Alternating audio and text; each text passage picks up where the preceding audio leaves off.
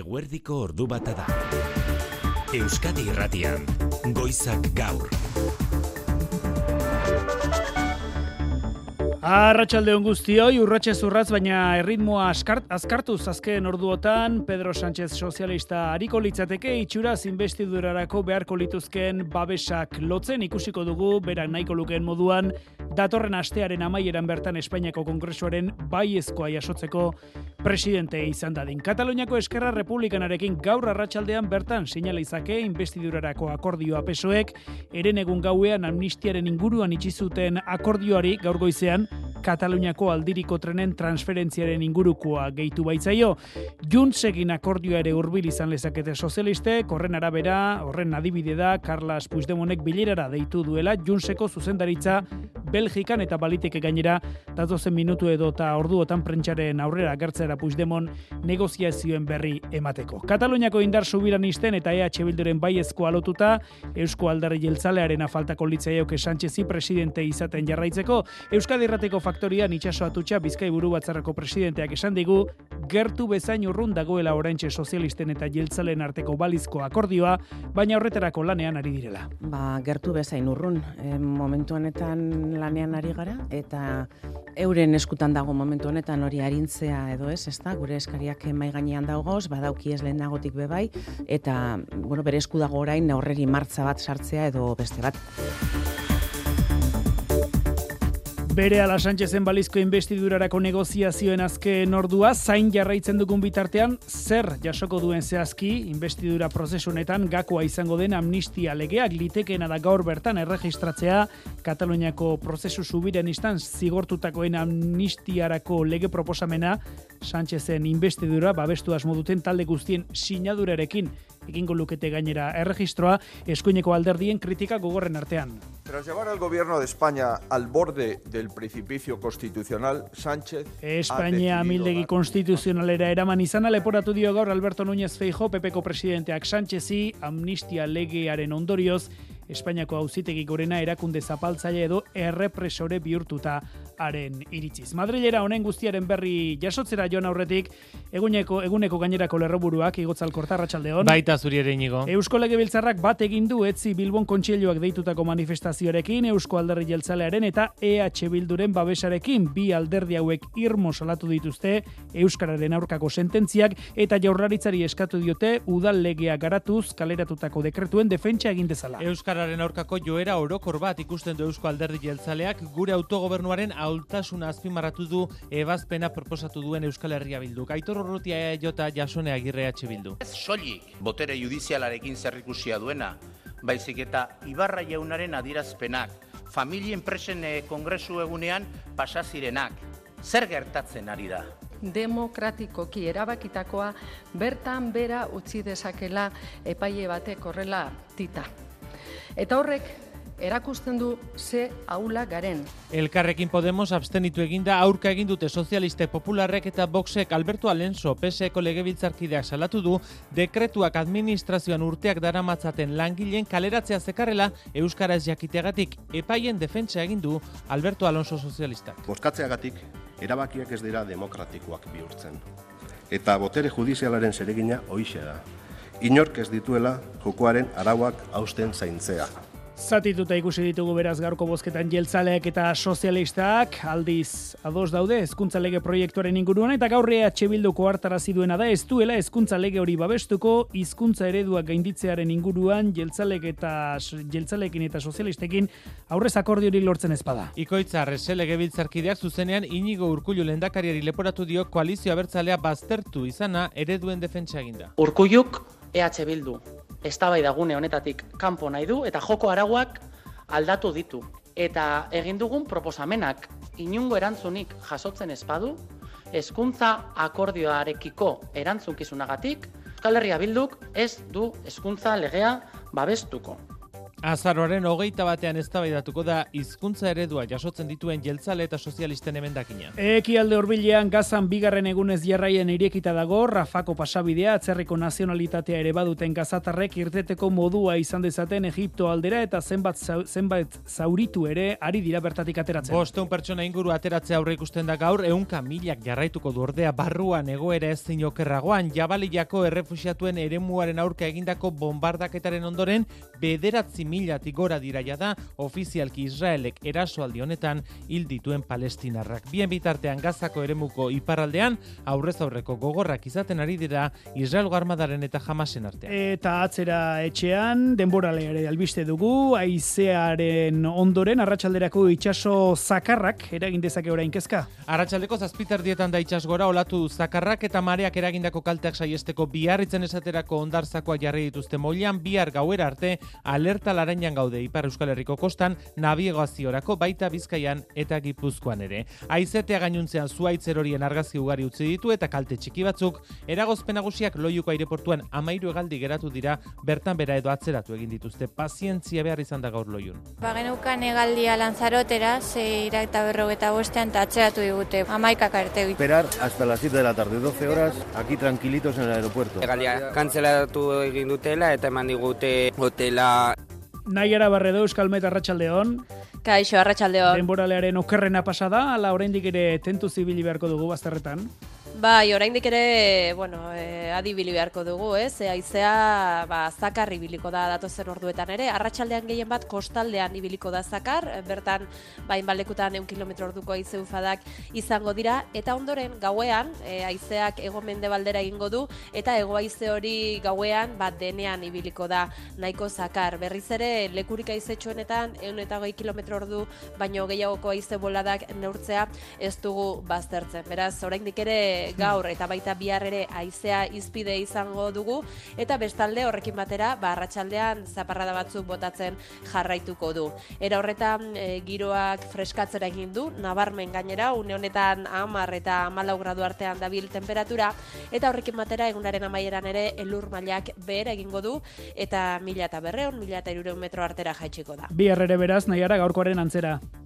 Bai, hori da, bihar ere zaparradak eh, izango ditugu, ugariagoak izango dira hori bai kostaldetik gertu, eta esan bezala, eh, oraindik ere, aizea zakarribiliko da egunaren lehen zatian bereziki, eta bihar gehien bat kostaldean, baina denean nabarituko da. Eta horrekin batera, bihar ere giro fresko hau nabarmentzeko izango da, izan ere gehienez, amar eta amabos gradu artean geldituko dira temperatura maksimoak. Ederki, bakiroletan Jose Maria Paula Zarratxaldeon. Arratsaldeon, Inigo. Futbol kopan, estu eta larri, baina aurrera, reala eta atletik. Bat ere arrokeriari gabe gainditu dute kanporaketa gazteak behintzat zelaian lekuko hartzeko prest Marrero Dadi eta Jon Mikel Aramburu realarekin estrainekoz. Atletikek Durangoko gazte bat jarri du zelaian, Unai Egiluz. Aurrera egin dute eta zordiegu horren beste, Baile de Guesek eta Tudelanok hauek federazioaren bigarren mailan dabiltza. Jokin altunak eta jakak bere aukeratu dituzte igandeko final aurrekorako pilotak, baina galdera erantzunik gabe daukago. Oraindik ez da seguru altuna igandean eibarren izatea biharko aproba erabakigarrian jakingo da hori. Beste protagonista bat Iker Vicente dugu, bigarren ez Euskal Herriko Eskolari txapeldun. Finala areto moderno batean izan genuen, Mikel Mindegia historiko omendu zuten, baina hortik aurrera datu positibo gutxi eta esan egin behar dira. Aizkolari denak elkarrekin ikusi ezinak eragiten duen etxia galanta da eta datu bat emango dugu. Atzo Bizente Txapeldunak espeleta Txapeldun ordeari aterazion inoiz ez da horren handia izan Euskal Herriko finalean. Lau minutu eta berrogeita zazpi segunda. Ordu bat atarrietan kirol legez, saioa Euskadi Irratian eta ordubi terdietan kultur lehioan Mailu Odriozola Arratsaldeon. Arratsaldeon bai. Besteak beste Patxi Zubizarretaren berrienarekin loak ezkutatzen duena izeneko liburua zerria literaturlanarekin Espainiako Sari Nazionala jaso berritan aurkeztu du Zubizarretak Agustin Zubikarai saria irabazita osatu duen eleberria. Hala da, misteriozko novela da, loak eskutatzen duena, hori bai, umore ukituarekin. Egungo gazteizen kokatua, figura berri bat sortu du zubizarretak, lotaratzailea, loak hartu ezin da daudenen etxetara joaten dena, eta honen inguruan sortu dituen kontakizunak biltzen dira liburu honetan patxi zubizarreta. Nik uste pandemia garaian sortu zitzaidala figura bat, eta deitzen nion lotaratzailea. Eta pentsatzen nuen, jo, izan daiteke persona bat insomnen lagungarria, laguntzailea dena, gau ez, haien etxeetara joaten dena, eta haien oean sartzen dena. Azaroak, bigarrena du gaurkoa teknikan eta errealizazioan Xabi Gailastegi eta Beñat Ibargoien ordu bate eta ia mar minutu. Euskadi Irratian, Goizak Gaur. Inigo Alustiza. Oraindik bai estapen ofizialik ez da, baina alderri sozialistak istear izan lezake investidurarako akordioa, bai Kataluniako Eskerra Republikanarekin eta baita Carlas Puigdemonen Junsekin ere, Pedro Sánchez bigarren legi aldiz jarraian izan dadin Espainiako gobernuko presidente. Eskerrarekin gauzak aurreratuta daudela agirikoa da, erenegun amnistiaren inguruan akordioa lortu ondoren, gaur Kataluniako aldiriko trenen transferentziaren inguruan itxi baitute akordioa PSOEk eta Eskerra Republikanak eta litekeena da akordiori gainera datozen orduotan gaur arratsaldean bertan sinatzea Bartzelonan. Junsekin berriz akordioa ikusiko dugu hurbil dagoen ala ez, dakiguna da Puigdemontek eh, Belgikan elkartu duela, Junseko zuzendaritza, itxuraz investidurarako akordioa litzatekena aztertzeko, mugimendu hauen inguruko azken ordua du Madrilen, Mikel Arregi lankideak, Mikel Arratsaldeon. Kaixo Arratsaldeon, ba momentuotan bi arretagune jarrita ditugu, bata Bruselan, bestea Bartzelonan, Belgikako hiriburuan Juntzeko zuzendaritzak bilera du ordu honetan eta Carles Puigdemontek momentu batetik bestera iragarri dezake bere alderdiak PSOErekin akordioa erdietsi duela amnistia legea aurrera ateratzearen truke Sánchezen investidura babesteko. Azken egunotan Juntz eta PSOEren iturriek e, negoziazioak bide honetik doazela errepikatu dute, baina badirudi azken xehetasunak izteko zain daudela. Hau Bruselan, Bartzelona bien bitartean, eskerrak gaur arratsaldean iragarriko du pesoerekin itxi duen ituna, goizeko lehen orduan, Kataluniako aldirien kudeak eta generalitateak hartuko duela iragarri eta gero modu honetan estatuak Kataluniako gobernuaren esku utziko ditu, bertako tren eta trenbiden kudeak eta eta hauen finantziazio guztia epeka ingo den prozesuan. Eskerrak ere ez ditu itxita, itxiza dio, sozialistekin martxan dituzten negoziazioak, eta diogun moduan juntzek eta eskerrak bere ala iragarri dezakete pesoerekin itxitako akordioak, baina momentu zinigo zain jarraitu beharko dugu. Bi arretagune horiek beraz oraintxe, Mikel, Sánchezen dira prozesu honetan bestalde giltzarria izango da, Kataluniako prozesu subiran istan zigortutakoen amnistia, eta datozen orduotan erregistrala ezakete Espainiako Kongresuan, era batera edo bestea, baina itxuraz amnistia zabala jasoko lukeen lege proposamena. Sánchezen investidura babestu asmo duten talde guztien sinadurarekin erregistratuko luke egitasmo hori eskuinaren esarrerako.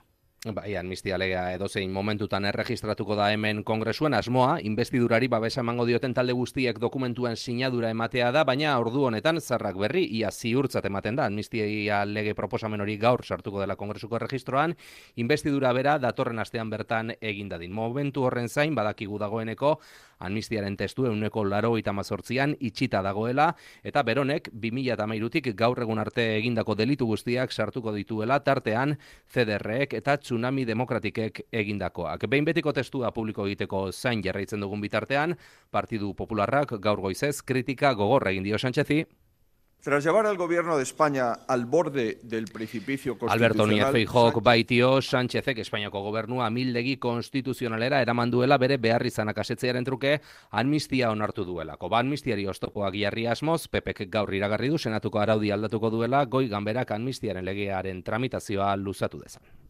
Zantzu guztien arabera beraz, e, iritsi liteke akordioa datozen orduotan, alderdi sozialistaren eta eskerraren artean, eta kaso ikusiko dugu Puigdemonek zer dioen baita Junsekin ere. Hori, horrela izango balitz Eusko Alderri Jeltzalarekiko akordioa faltako litzaioke pesoeri Pedro Sánchezen investidura ziurtatzeko akordio hori unionetan gertu bezain urrun dagoela adierazi digu gaur goizean Euskadi Erratiko Faktorian itsaso atutxa Bizkaiko jeltzaleen buruak. Bestetik Kataluniako prozesuari lotutako auzibideak bertan bera utziko lituzken amnistia legeari sinadura jartzeko eragozpenik elukete jeltzalek mertxetxe berria. Pesoek errezerekin adostutako testua ezagutu zai, printzipioz amnistia legearen proposamenari sinadura jartzeko presleudeke jeltzaleak akatsa izan baita itxasoatutxearen esanetan prozesua prozesa judizializatu izana. Laguntzako presta agertu gara beti, honetan ere bai, uste lako benetan, e, orduan txartu egin sana, orain konpontzeko edo erdi konpontzeko bide bat zabaldu dela, eta katalen e, oneritzia gainera, beraz, hori guretzat oso garrantzitsua da, eta hori da, e, guri benetan interesatzen jakuna momentu honetan, eurek ondo ikusten badabe gu bide horretan sartzea, ez da? Eta Pedro Sánchezen investidurarako negoziazioei buruz, azaldu du dokumentuak trukatzen ari direla sozialistekin, akordioak gertu ote dagoen galdetuta? Ba, gertu bezain urrun, e, momentu honetan lanean ari gara, eta Nire ustez gainea lanean apur bat berandu hasi gara orain entzuten diran e, investidurarako epeak horrek badira. E, eurek ikusi beharko dabe ze prisa daukien, lanean gagozan hau arindu daiten edo edo lasaitu eta luzeago jodagian, ez da? Mm.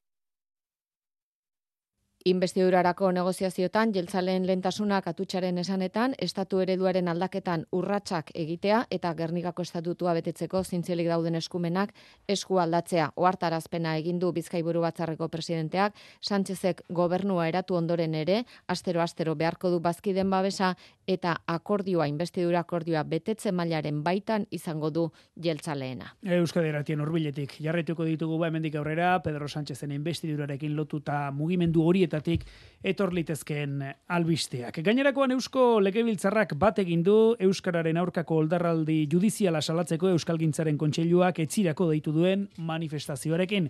EH Bilduk eta Eusko Alderri Jeltzaleak adostu duten testuak modu irmoan salatzen ditu Euskararen normalizazioaren aurka kaleratutako epaiak, alderdi abertzalen babesa besterik ez du izan ekimenak, izan ere, elkarrekin Podemosek abstentziora jo du eta kontra bozkatu dute gainerakoek, baita Euskadiko alderri sozialistak ere agerian utzita, beraz, jaurlaritzan gobernukide diren jeltzale eta sozialisten arteko jarrerak urrun daudela gai honetan, Ainara Rubio Bastaiz, Arratxaldeon. Arratxaldeon, Euskararen normalizazioaren aurka kaleratu diren amabos sententziak ez direla kasualitatea, eraso antolatua direla, uldarraldi judiziala eta gaztelera desagertuko denaren beldurretik kaleratutakoak alasalatu dute EH Bilduko jasone agirrek eta EAJ-ko aitor urrutiak demokratikoki erabakitakoa bertan bera utzi dezakela epaile batek horrela tita. Geure ezurdura bera apurtuta dago, apurtu egin dute sententziaka. Zer gertatzen ari da? Eta ez soilik botere judizialarekin zerrikusia duena, Ibarra jaunaren adirazpenak, familia enpresen eh, kongresu egunean pasazirenak. Norbaitek zerbait hautxean nahi aldu beldur batzugatik? EH Bilduren ekimenez bi taldeek adostu eta babestu dute epai horiek irmoki salatzea eta legebiltzarrak kontseiluak deitutako manifestazioarekin bat egitea era berean jaurlaritzari eskatu diote indargabetu dituzten artikuluen legezkotasuna defendatu dezala eta hizkuntza eskubideen defentsan sakontzeko.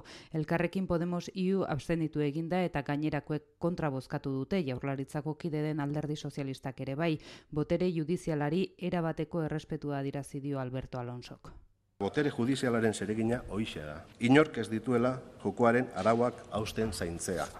Sententzia bakoitza modu autonomoan irakurri eta aztertu behar da. Baldin eta benetan interesatzen zaiguna ez bada dena nahaztea. Salatu du Euskara eskakizuna betetzen ez duten langile asko kaleratzea, ekarri zezaketela indargabetu diren artikuluek eta esan du larun batean bilboko kaletan ikusiko denaz gain badagoela gizartean beste sentitzeko erabat, hain zuzen ere, Eusko Jaurlaritzako iturriek jakinarazi dute ez dutela ordezkaritzarik bidaliko manifestaziora. Euskararen aurkako erasoetan beraz bat egin dute gaurre Bilduk eta Eusko Alderri Jeltzaleak, gero eta urrunago dirudite ordea hezkuntza lege proiektuaren inguruan, gero eta argiago geratzen ari baita zaila izango dela EH Bilduk legea bere horretan onartzea. Gaur argi eta garbi ohartarazi du ikoitz arrese EH Bilduko legebiltzarkideak ez duela koalizioak legea babestuko, espadiete erantzuten, esan du hizkuntza ereduak gainditzeko proposamenari esunarozena. Azaroaren hogeita batean eztabaidatuko dira legebiltzarrean hizkuntza ereduei lotutako zuzenketak eta urruntzen ari da EH Bilduk legea onartzeko aukera. Ikoitza arrese legebiltzarkideak salatu duenez, eztabaida bera ere ukatu da hezkuntza lantaldeak egindako lehen bibileretan eta ia hiru urte EA jotarekin hitzegin eta ustez ados egon ondoren inigo urkullu lendakariak aldatu dituela joko arauak. Hori horrela, ikoitza arrese koartarazi du hizkuntza ereduen inguru inguruan egindako proposamenari erantzuten ez bazaio, ez duela EH Bilduk legea babestuko. Urkulluk EH Bildu eztabaida gune honetatik kanpo nahi du eta joko arauak aldatu ditu. Eta egin dugun proposamenak inungo erantzunik jasotzen ezpadu, hezkuntza akordioarekiko erantzunkizunagatik, Euskal Herria Bilduk ez du hezkuntza legea babestuko. Euskadi Irratian itxaso atutxa Bizkaiburu batzarreko presidentea. Arritu egiten nau sarritan bebai ikustea bilduk zein errez onartzen dituen hainbat gauza, baina hainbat gauza Madrilen esate baterako eta gero hain garrantzitsua dan lege batek aurrera egindagian orain hain puntilloso jarri jakun e, gauza batzutan be bai. Buruzagi jeltzaleak gaineratu duenez, legebiltzarreko lan taldea da eztabaidarako gunea eta badago oraindik tartea hiru alderdien adostasunarekin ateratzeko lege berria. Datorren astean beste hiru bilera izango ditu hezkuntza lantaldeak. Legebiltzarraren eh, jarduerarekin lotuta azken aipamen bat ere bai, aho batez onartuko baitu gaur osoko bilkuran Eusko Legebiltzarrak prebentzio lana areagotzeko eskaria jaurlaritzari mahatxak ardo bihurtzeko prozesuan jariatzen duten bafada edo tufoak ekartzen dituen arriskuen aurrean lantziegon bi eriotza eragin zituen bafada joan den urri hasieran azterketa eta komendioak egiteko eskatuko diote alderdiek jaurlaritzari. Une honetan ari dira gai hori eztabaidatzen legebiltzarrean zurin etxe berria arratsaldeon arratsaldeon oraintxe bukatu da EH bilduk eramandu gaia legebiltzarrera. Itsaso etxeberria legebiltzarkedeak adierazi duenez ia Zarabako herriosako upategietan egindako azterketa batek ondorioztatu du ardoaren bafada edo tufoa atzemateko sistemak soilik upa upategien laurdenak zeukala instalatuta. Indartu behar dugu. Eta egoera honen aurrean, zer? Jarraitzen dugu upategiet enpresa ezberdinek neurri hoiek noiz esarriko dituzten zain? Bagur ustez ez. Lan istripuak eta bereziki eriotza eragin dezaketenak saiestu nahi baditugu, orain arte egiten dena ez da nahikoa. Prebentzioa indartu behar dugu esaten zuen etxebarriak bada EAJak, EH Bildu, Kalderdi Sozialistak eta Elkarrekin Podemosek akordioa egin dute prebentzioan urrats bat egiteko. Besteak beste, istripuak saiesteko jaurlaritzari galdegin diote informazio espiz, espezifikoa irakurtzeko erraza jardezala upategietan, hainbat hizkuntzatan euskaraz, gazteleraz, arabieraz, frantsesez edota portugesez eta bide beretik lan ikuskaritzari eskatu diote eskutitza bidal diezaiela upategiei bete beharreko arauekin eta hoiek betetzeak dakartzan ondorioekin. Alderdi popularrak ere alde bozkatu du, boxek berriz abstentziora jo du.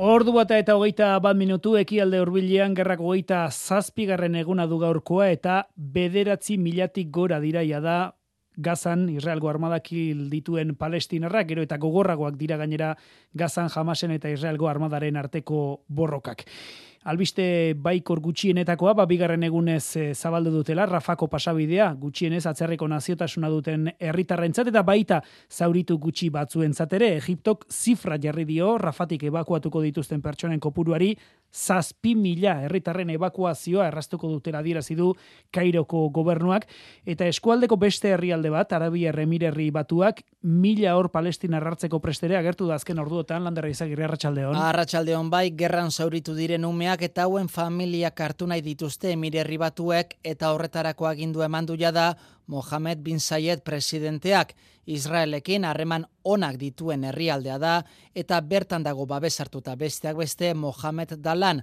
jamasen garaipena baino lehen gazan jaun eta jabe izan zen alfatako gizona eta ondoren aginte palestinarrak berak traidoretzat jotakoa.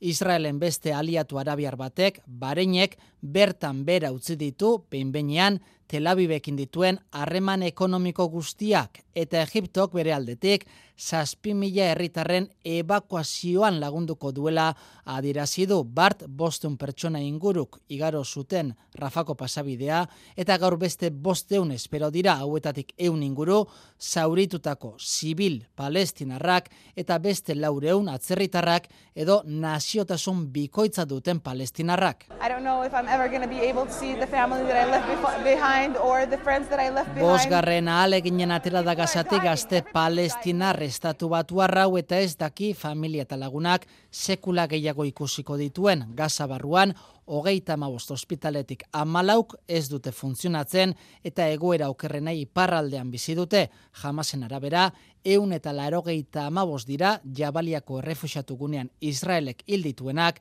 eta beste eun eta hogei pertsona daude desagertuta. Gatazka honegin lotuta itxuraz Donostian Gipuzkoako sozialisten egoitzaren aurka pintura gorria jaurti dute eta genozidak hitza idatzi dute orman amabost egunean irugarrenez bota dute pintura gorria. Alderdi sozialistak gogor gaitzetsi du erasoa PSren aurkako jazarpen kanpaina bat dagoela salatu du Jose Ignacio Asensio Gipuzkoako PSeko idazkari nagusiak mehatxu bidez euren jarrerak inposatu nahi dituztenen jokabide agerian uzten duen gertakaria dela uste du Asensiok eta berretsi du alderdi sozialistak orain arteko norabidean jarraituko duela. Ikuspegi migrazioaren euskal beatokia tantolatutako jardunaldietan bestalde gazte migranteen inguruko ikuspegia aldatu beharko litzatekeela mezu hori emandu gaur eusko jaurlaritzak nerea melgosa gizarte politikako sailburuak azpimarratu du, gazte migranteak gizartean ekarpena egin dezaketen aktibo gisa hartu behar direla, erabakigunetan partaide izatea lortu behar dela, Melgosaren itzaldia entzun du Janire Gerenabarrenak Janire Arratsaldeon. Bai, Arratsaldeon gazte emigratzaileak gizarteratu eta alduntzearen garrantzia azpimarratu du nerea Melgosa gizarte politiketako sailburua horretarako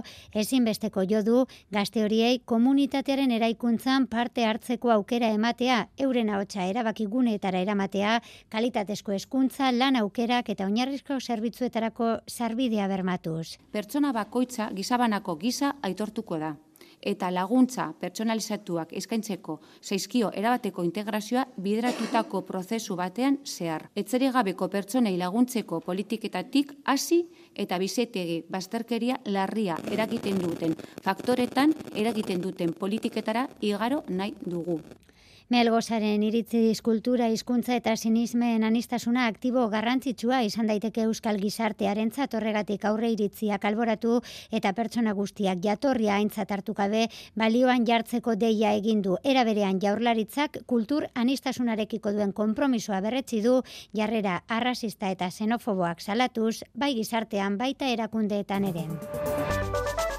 Ordu bat eta ia hogeita 6 minutu, suhiltzaile Euskal Autonomia Erkideguan ia laureun irtera, egin dituzte joan den gauean, aize ufada bortitzen ondorioz, zuaitzak jaso dituzte, adarrak ere bai, eta mugitutako kaleko altzari, tela eta zaborrontziak ere kendu dituzte, suhiltzaileek errepide eta bide bazterretatik, bereziki bizkaien eta gipuzkoan utzi du kalte handiena aizeak, baina aparteko ondorio larririk gabe, ondorioak bestelakoak aire garraioari dagozkionak loiuko aeroportuan, amairu egaldi gelditu dira bertan bera gaur, Naiz eta urtzi gartzia apurka apurka normaltasunera itzultzen ari den egoera, ez da Arratsaldeon. Arratsaldeon ba, hala da bai, zerikusirik ez goizeko irudiarekin, atzo iluntzean bertan bera lotutako zeinbait egalditako hainbat bidaiarik aireportuan pasa behar izan dute gaua, goizean goiz terminalean aurkitu ditugu gaurko programatuta zeuden, baina irten ezin izan duten egalditako beste bidaiari askorekin batera. Ba, geneukan egaldia lanzarotera, ze eta berro eta bostean eta atxeratu digute, amaikak arte gitxienez. Pues ahora mismo estamos desayunando porque no hay otra cosa que hacer y tenemos que esperar hasta las 7 de la tarde, 12 horas, aquí tranquilitos en el aeropuerto. Egalia kantzelatu egin dutela eta eman digute hotela e, dena inkluitu duta bihar arte. Goizeko bederatziak aldera eritsi dira autobusez, atzo Bartzelona desbideratu zituzten egaldietako sortzirundik gora bidaiariak tartean adunako irukideko familia hau. Atzo etorri behar ginean gaueko behatzi da honea, da gualdiakin Barcelona bidali egin duten, da, da guain arte, autobus bat jarri, da sortzi ordu honea, la, lan erazin jun, da txikiakin ala nola. Atzeratutako egaldiak ari dira apurka apurka bada ere aireratzen edo eta lur hartzen, atzuz geroztik bertan bera lotutako egaldiak amazortzi dira, bidaiariek beraz bestelako alternatibaren bat bilatu behar izan dute, horientzako guztientzako erreklamazio eguna da gaurkoa. Euskal Herretik kanpo Galizian jo du gogor denboraleak, besteak beste orduko egun da irurogei kilometroko aize ufadekin, eta baita Frantzia restatuan ere, milioi bat herritar baino gehiago geratu dira argindarrik gabe gehien gehienak, Bretañan han orduko berreun kilometrotik gorako aizeboladak neurtu dituzte eta arazoak dituzte hainbat aireportu eta tren zerbitzutan pertsona bat ere hilda zuaitzak eh, jota Iñaki Esnal Paris Arratsaldeon Arratsaldeon gidari bat hilda arbola kamioi gainera erori ostean eneko departamentuan amabost zauritu ere badaude tartean zazpi zuhiltzaile. Eta zazpi kilometro orduko aize ufadak nortu dira Bretainian sekula nortutako bortitzenak. Zuaitz ugari erori dira eta ikusi dugu era berean garabi bat bitan zatitzen. Hemen Parisen Eiffeldorrearen puntan, eun eta hogeita meretzi kilometro orduko aize ufadak neurtu dira goizean. Milioi bat eta berreu mila herritarrek argindar gabe jarraitzen dute Frantzia mendebaldean, gidatzea debekatuta dago Finisterreko departamentuan, eskualdetako tren ugari ez dira martxan, eta mila eta irureon pertsona kanpinetatik eta deskantxuguneetatik atera behar izan dituzte. Itxasoa, izugarri zakardabil mendebaldean, hogeita bat metroko olatuare atzeman dute, eta baita tragarroi bat ere Jersey Irla Normandiarran. Jada ez da departamenturik alerta gorrian, orain hogeita iru daude alerta laranjan. Herritarrak etxean gelditzeko amaika dei egin ditu gobernuak, baita Macronek berak ere, Okerrena badirudi pasa dela, baina kiran hemen Frantzian ez dela oraindik amaitu ohartarazi dute agintariek. Eta euriteek urtean zehar eragin dituzten kaltean kalten aurrean neurriak iragarri ditu gaur Nafarroako gobernuak zehazki maiatza eta iraila bitartean 98 herritan zematu ditu kalteak gobernu Nafarrak horiei aurre egiteko hainbat zerga ordainketetan salbuespenak onartu ditu Aitor Perez Iruña Arratsaldeon. Bai, ala da, maiatzaren amalautik irailaren hasiera arte, mezortzi bapateko eurite izan direla dierazidu Nafarroako gobernuak larriena, larriena irailaren lehen, larriena irailaren bat eta bi artean izan zen dana, izan ere Nafarro osoan, hogeita laborduz, euri jasandiak izan ziren. Adibideri garbiena hori, baina horrelako egoeretan kaltetutako pertsona fisiko zein juridikoentzako zerga salbu espenak jarri ditu maiganean Amparo López gobernu bozera maileak pueden acogerse a las exenciones tributarias previstas por el Ejecutivo Foral ante estas situaciones. Zehazki kalteak jasan dituztenek lurralde kontribuzio ordaintzetik salbuetsita izango dira batetik bestetik eraikuntze instalazio eta obren gaineko zergan ere salbuespenak izango dira beti ere euritek eragin duten kalteak konpontzeko obrari lotuta eta azkenik esekutiboak ere iragarri du jarduera ekonomikoen gaineko zerga ordaintzen duten eta euriten kalteak jasan dituzten pertsonek aurten ez dutela ordaindu behar izango. Ordu bat atardiak jo berriak. Euskadi Irratian eguraldia eta trafikoa. Errepidesaren nagusian ez dugu aparteko eragozpenik, ala esan digute trafiko arduradunek, eguraldiari dagokionez, oraindik ere ernea izearekin eta itxaso zakarrarekin hause euskalmeten iragarpena. Datozen orduetan tarteka zaparradak botako ditu eta mendebaldeko aizea kostaldean bereziki zakartu egingo da. Era horretan, giroa aurreko gunetan baino freskoagoa izango da eta elur maila azken orduetan mila eta berreun edota mila eta irureun metro artera jaitsiko da. Gauean, haizeak ego ukitua hartuko du berriro, ego mendebaldetik finkatuko da eta denean zakartuko da.